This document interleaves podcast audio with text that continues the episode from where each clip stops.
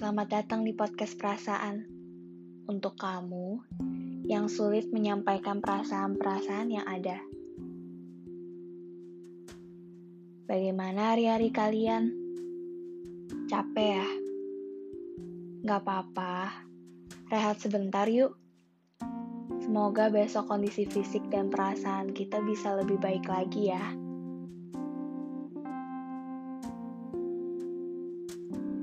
Pikiran kita itu memang mematikan banget ya. Ada saja hal-hal random yang selalu difikirkan, sampai akhirnya malah jadi lelah sama isi kepala sendiri. Terlalu mengkhawatirkan bagaimana hari ke depannya, sampai jadi overthinking deh. Terlalu banyak target yang dikejar, sampai lupa kalau diri kita juga punya batasan. Apa kamu gak kasihan sama diri kamu sendiri? Jangan takut kalau semua target-targetmu gak tercapai.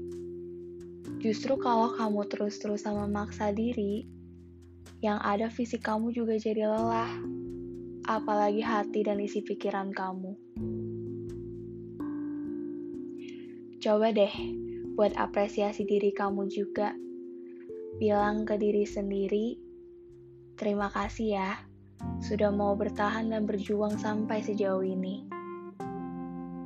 Kamu keren, keren banget. Gak apa-apa kalau belum berhasil.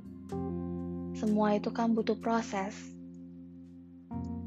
Kupu-kupu sebelum sayapnya jadi indah saja juga perlu kan untuk melewati fase-fasenya. Semua pasti ada prosesnya. Dan kamu udah keren banget bisa sampai ada di titik ini. Yuk, rehat. Kasih waktu untuk diri kamu istirahat. Kasih waktu untuk ngakui hobi kalian atau apa pun hal yang kalian suka. Me time itu penting loh.